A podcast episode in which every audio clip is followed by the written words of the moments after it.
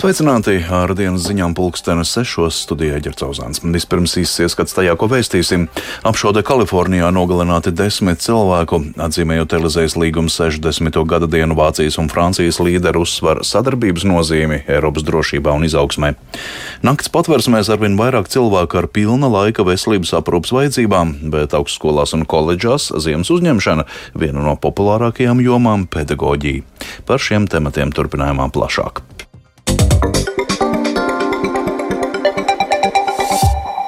Ziņas sākām ar notikumiem ASV. Tur apšaudēja Kalifornijas štatā nogalināti desmit cilvēki un vēl vismaz desmit ievainoti. Tā paziņoja varas iestādes. Šāvējs vēl nav notverts. Uzbrukums notika šorīt ap pulksten astoņiem pēc Latvijas laika Monterey parkā netālu no Losandželosas. Apšauda notika deju klubā aptuveni stundu pēc tam, kad pilsētā beidzās austrumu jaunā gada sagaidīšanas pasākums. Tajā piedalījās desmitiem tūkstoši cilvēku, tā ziņoja vietējie mēdīji. Francijai un Vācijai arī turpmāk jāturpina būt Eiropas virzošajam spēkam. Par to šodien paziņoja abu valstu līderi - prezidents Emanuels Makrons un kanclers Olofs Šolts. Par spīti atšķirīgajiem viedokļiem Ukrainas jautājumā abas valstis sola Kīvai sniegt atbalstu arī turpmāk, varakstās Tuģis Lībietis. Pirms 60 gadiem Vācijas kanclers Konrāds Adenauers un Francijas prezidents Šarls de Gauls Parīzē parakstīja Elizejas līgumu. Tādējādi nostiprinot abu valstu pēckara attiecības un liekot pamats ciešai sadarbībai Eiropas kontinenta turpmākajā attīstībā. Abu valstu līderi toreiz apņēmās sadarboties ļoti dažādās jomās, sākot ar militāro un beidzot ar jaunatnes apmaiņas programmām. Šodien, pieminot šo vēsturisko vienošanos, Parīzē bija ieradusies visa Vācijas valdība ar kancleru Olafu Šolcu priekšgalā. Gan valsts līderiem, gan atsevišķu konkrēto ministriju vadītājiem dienas kārtībā apspriežamo jautājumu lokus ir ļoti plašs. Klimata pārmaiņas, enerģētika, Eiropas konkurētspēja laikā, kad ASV izvērša savu produktu subsidēšanas programmu un citi jautājumi. Taču nenoliedzami viens no sasāpējušākajiem un arī aktuālākajiem ir Krievijas izvērstais karš Ukrainā un Rietumvalsts sniegtā palīdzība Ukrainai. Kā svinīgā uzrunā Sorbonas Universitātē norādīja Olafs Šolts, tieši šī konflikta dēļ ir nepieciešams īpaši rūpēties par visas Eiropas drošību. Wir sind es, die gemeinsam mit unseren Freunden und Partnern die nächsten Kapitel Tie esam mēs, kuri kopā ar mūsu draugiem un partneriem rakstām Eiropas vēstures nākamo nodaļu. Mēs neļausim Eiropai atgriezties laikos, kad vardarbība aizstāja politiku un mūsu kontinentu plosīja naids un nacionālā sāncensība. Tam apliecinājums ir pirms dažām dienām mūsu pieņemtais lēmums apgādāt Ukrainu ar bruņotām kājnieku mašīnām, izlūkošanas automašīnām un pretgaisa baterijām, cieši sadarbojoties gan savā starpā, gan ar mūsu amerikāņu draugiem. Un mēs turpināsim atbalstīt Ukrainu tik ilgi, cik nepieciešams. Kopīgi, kā Eiropieši, mēs aizstāvam mūsu Eiropas miera projektu zur Verteidigung unseres europäischen Friedensprojekts. Šodien jāatgādina, ka tieši Vācija un tieši Šolts pēdējo nedēļu laikā izpelnījušies ārkārtīgi lielu kritiku par vilcināšanos jautājumā par tanku Leopard 2 piegādēm Kijivai. Kā ir paziņojis jaunieceltais Vācijas aizsardzības ministrs Boris Pistorius, ir sajūta, ka ir vienota koalīcija, kurai ceļā stāv viena pati Vācija, taču tas tā nav pareizi. Francija ir dažādos veidos mēģinājusi skubināt Vāciju, pati paziņojot, ka jau februārī Ukrainai tiks piegādāti vieglie tanki, bet aprīlī arī mobilās artilērijas sistēmas. Francijas prezidents Emmanuels Macrons arī šodien atzīst, ka par spīti domstarpībām Ukraina tiks atbalstīta arī turpmāk. Mēs dienu no dienas turpinām strādāt Ukrainas aizsardzības labā. Pēc 24. februāra mūsu savienība nav tikusi sašķelta un mēs neesam atkāpušies no mūsu atbildības un mūsu neiedragājamais atbalsts Ukraiņas iedzīvotājiem turpināsies visās sfērās. Kā norāda politikas komentētāji, karš Ukrainā un tā radītās sekas ir izkristalizējuši dažādus Eiropas lokomotīvu, Francijas un Vācijas redzējumus par nākotnes drošību. Īpaši tāpēc, ka Francija atkal ar vien aktīvāk ir sākusi sev pozicionēt kā militāru lielvaru ar nopietnu ietekmi ANO drošības padomē. Turklāt ekonomiskajā un enerģētiskajā jomā Vācija ir pierādījusi, cik ievainojama. Tā ir bez Krievijas gāzes un pašas kodolenerģijas. Kā norāda aģentūra France Press, Emanuels Makrons arī arvien aktīvāk meklē ietekmīgus Eiropas sabiedrotos, lai daudz efektīvāk stātos pretī ASV inflācijas samazināšanas likumam. Tās paredz miljardiem dolāru lielas investīcijas ASV ražotās klimatam draudzīgās tehnoloģijās. Vien pirms dažām dienām šādu atbalstu viņš ieguva no Spānijas prezidenta Pedro Sančesa. Uģis Lībijams, Latvijas radio. Latvijas augstskolās un koledžās norisinās ziemas uzņemšana. Pašlaik viena no populārākajām jomām ir pedagoģija, kuru visvairāk izvēlas studiju programmu pirmsskolas skolotājs. Taču Liepājas universitātei izdevies nokomplektēt arī grupu latviešu valodas un literatūras skolotāju studiju programmai.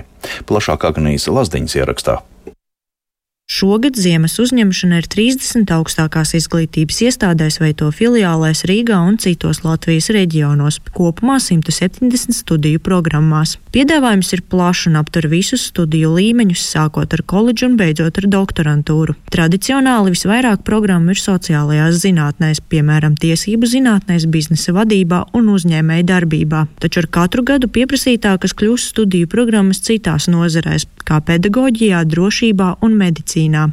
Liepājas universitātes pārstāve Madara Daudziņa Šuktare stāsta, ka šogad liela interese ir par studiju programmām, kas saistītas ar pedagoģiju kā vienmēr ļoti liela interese tieši par studiju programmu pirmskolas skolotājs, un arī šogad ir ļoti labs rezultāts. Tāpat mums izdevies ir nokomplektēt logopēdijas skolotājus, kā arī latviešu valodas un literatūras skolotājus. Latvijā kopumā latviešu valodas skolotāju ļoti trūks, ne tikai mums, bet arī citām augstskolām neizdodas piesaistīt tieši latviešu valodas skolotāju profesijai, tāpēc mēs riskējām un izsludinājām arī ziemā programmu. Šobrīd mums ir sasniegts šis minimālais piesliegsnis, lai grupu nokomplektētu. Ceram, ka pēc četriem gadiem Lietuvas universitāte absolvēs ļoti labi pieci latviešu valodas literatūras skolotāji. Arī Latvijas universitātē populārākā izvēle ziemas uzņemšanā parasti ir pirmsskolas skolotājs, tāpēc šogad tā ir vienīgā piedāvātā studiju programma. Turpina Latvijas universitātes pārstāve Santa Dreimane. Pašlaik Rīgā ir saņemti 63 pieteikumi, valsts filiālai 17 pieteikumi, Cēlus filiālai 32 un Tukumā 24. Esam uh, priecīgi, jo Rīgā salīdzinot ar pēdējiem diviem gadiem pieteikumu skaits ir audzis. Pirms diviem gadiem 20. 21. gadā tie bija 47 pieteikumi, savukārt pagājušajā gadā 22. Līdz ar to interese ir augusi. Kā stāsta Rīgas Stradiņa universitātes pārstāve Indra Treja, starp četrām piedāvātajām studiju programmām - tiesību zinātni, ekonomisko drošību, sociālo antropoloģiju un biostatistiku - visvairāk izvēlas tiesību zinātni. Tomēr to nosaka ne tikai interese par konkrēto programmu, bet arī tas, vai tiek piedāvātas valsts budžeta vietas un iespēja studēt neklātienē. Šogad ziemas uzņemšanā mums ir ļoti stabili rezultāti. Uzņemšanā izsludināta četrām studiju programmām programmām, un kopējais studentu skaits, kas uh, uzsāks studijas, šobrīd provizoriski ir 100 studenti. Ir vēlme pieteikties, bet es domāju, ka atsevišķām studiju programmām šo pieteikšanos veicināja valsts budžeta vietu esamība. Ziemas uzņemšanā augstskolas un koledžas lielākoties piedāvā iespēju studēt par mākslu, taču ir pieejamas arī budžeta vietas vai īpašas studiju maksas atlaides. Piemēram, studēt par valsts budžeta līdzekļiem var topošie robežsargi Agnija Lazdiņa, Latvijas radio. Energocenu sadārdzinājums pagaidām Rīgā nav radījis papildu pieprasījumu pēc nakts patvērsmes pakalpojumiem. Iepriekšējās krīzes laikā Rīgā tas pieauga par 20% ar gada nobīdi. Nakts patvērsme pārstāvi gan iezīmē tendenci, ka patvērsmēs arvien vairāk uzturas cilvēki ar pilna laika veselības aprūpas vajadzībām. Plašāks Indijas ambots ierakstā. Latvijas sarkanā krusta ģenerālsekretārs Uldis Līkops norāda, ka pagaidām nakts patvērsmi pastāvīgo apmeklētāju skaits nav pieaudzis ekonomiskās situācijas dēļ. Patvērsmi apmeklētāju skaits arī šogad pamatā saistīts ar āra temperatūru. Sarkanā krusta nakts patvērsmē Rīgā ir 80 līdz 90 vietas, taču augstā laikā tur uzturas pat ap 120 cilvēku. Jā, dzīve ir kļuvusi dārgāka bet nevar noliegt, ka sociālā atbalsta sistēmas, tā skaitā valsts kompensācijas par energoresursiem, dažādiem sociāliem pakalpojumiem ir jūtamas un viņas cilvēkus sasniedz. Varbūt, ka tas ir iemesls, kāpēc šobrīd nav tāds lēciens, jo, piemēram, 2008. gada ekonomiskās krīzes laikā šādu valsts atbalstu nebija. Un ļoti daudz cilvēki zaudēja darbus, ieguldījumus, kredītus un visu kaut ko citu. Straujā inflācija gan ietekmējusi organizācijas iespējas.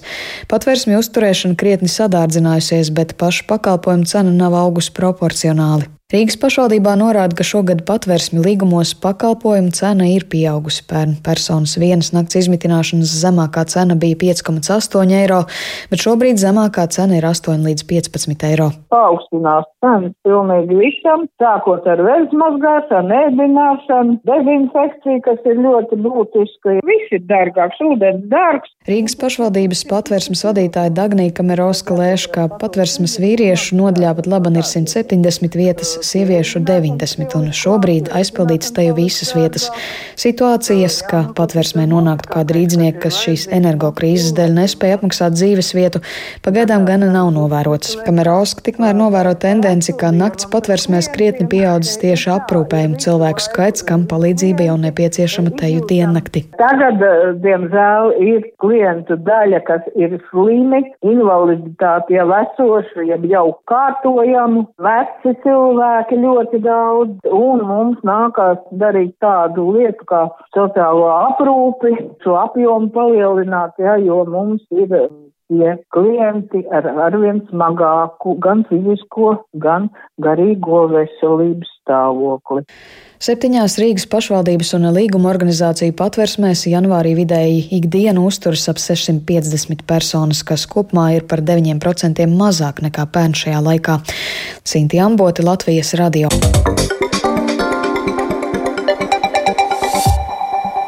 Baltijas vadošā tenisista Ļona Stapenko šorīt iepriecināja līdzjutējus ar uzvaru Austrālijas atklātā čempionāta 4. kārtas mačā. Tajā Latvija divos setos ar rezultātu 7-5 un 6-3 uzveica ASV pārstāvi Koko Gofu sasniedzot sacensību labāko astoņnieku. Šodien vēl vairākas spēles Melnburnas laukumos par tām plašāk tūlīt pavēstīs kolēģis Mārtiņš Kļavinieks. Sveiks, Mārtiņ! Sveiks, Girta, un sveicināti arī Latvijas radio pirmā kanāla klausītājiem. Saka, Melnburnā šodien bija kāds pārsteigums.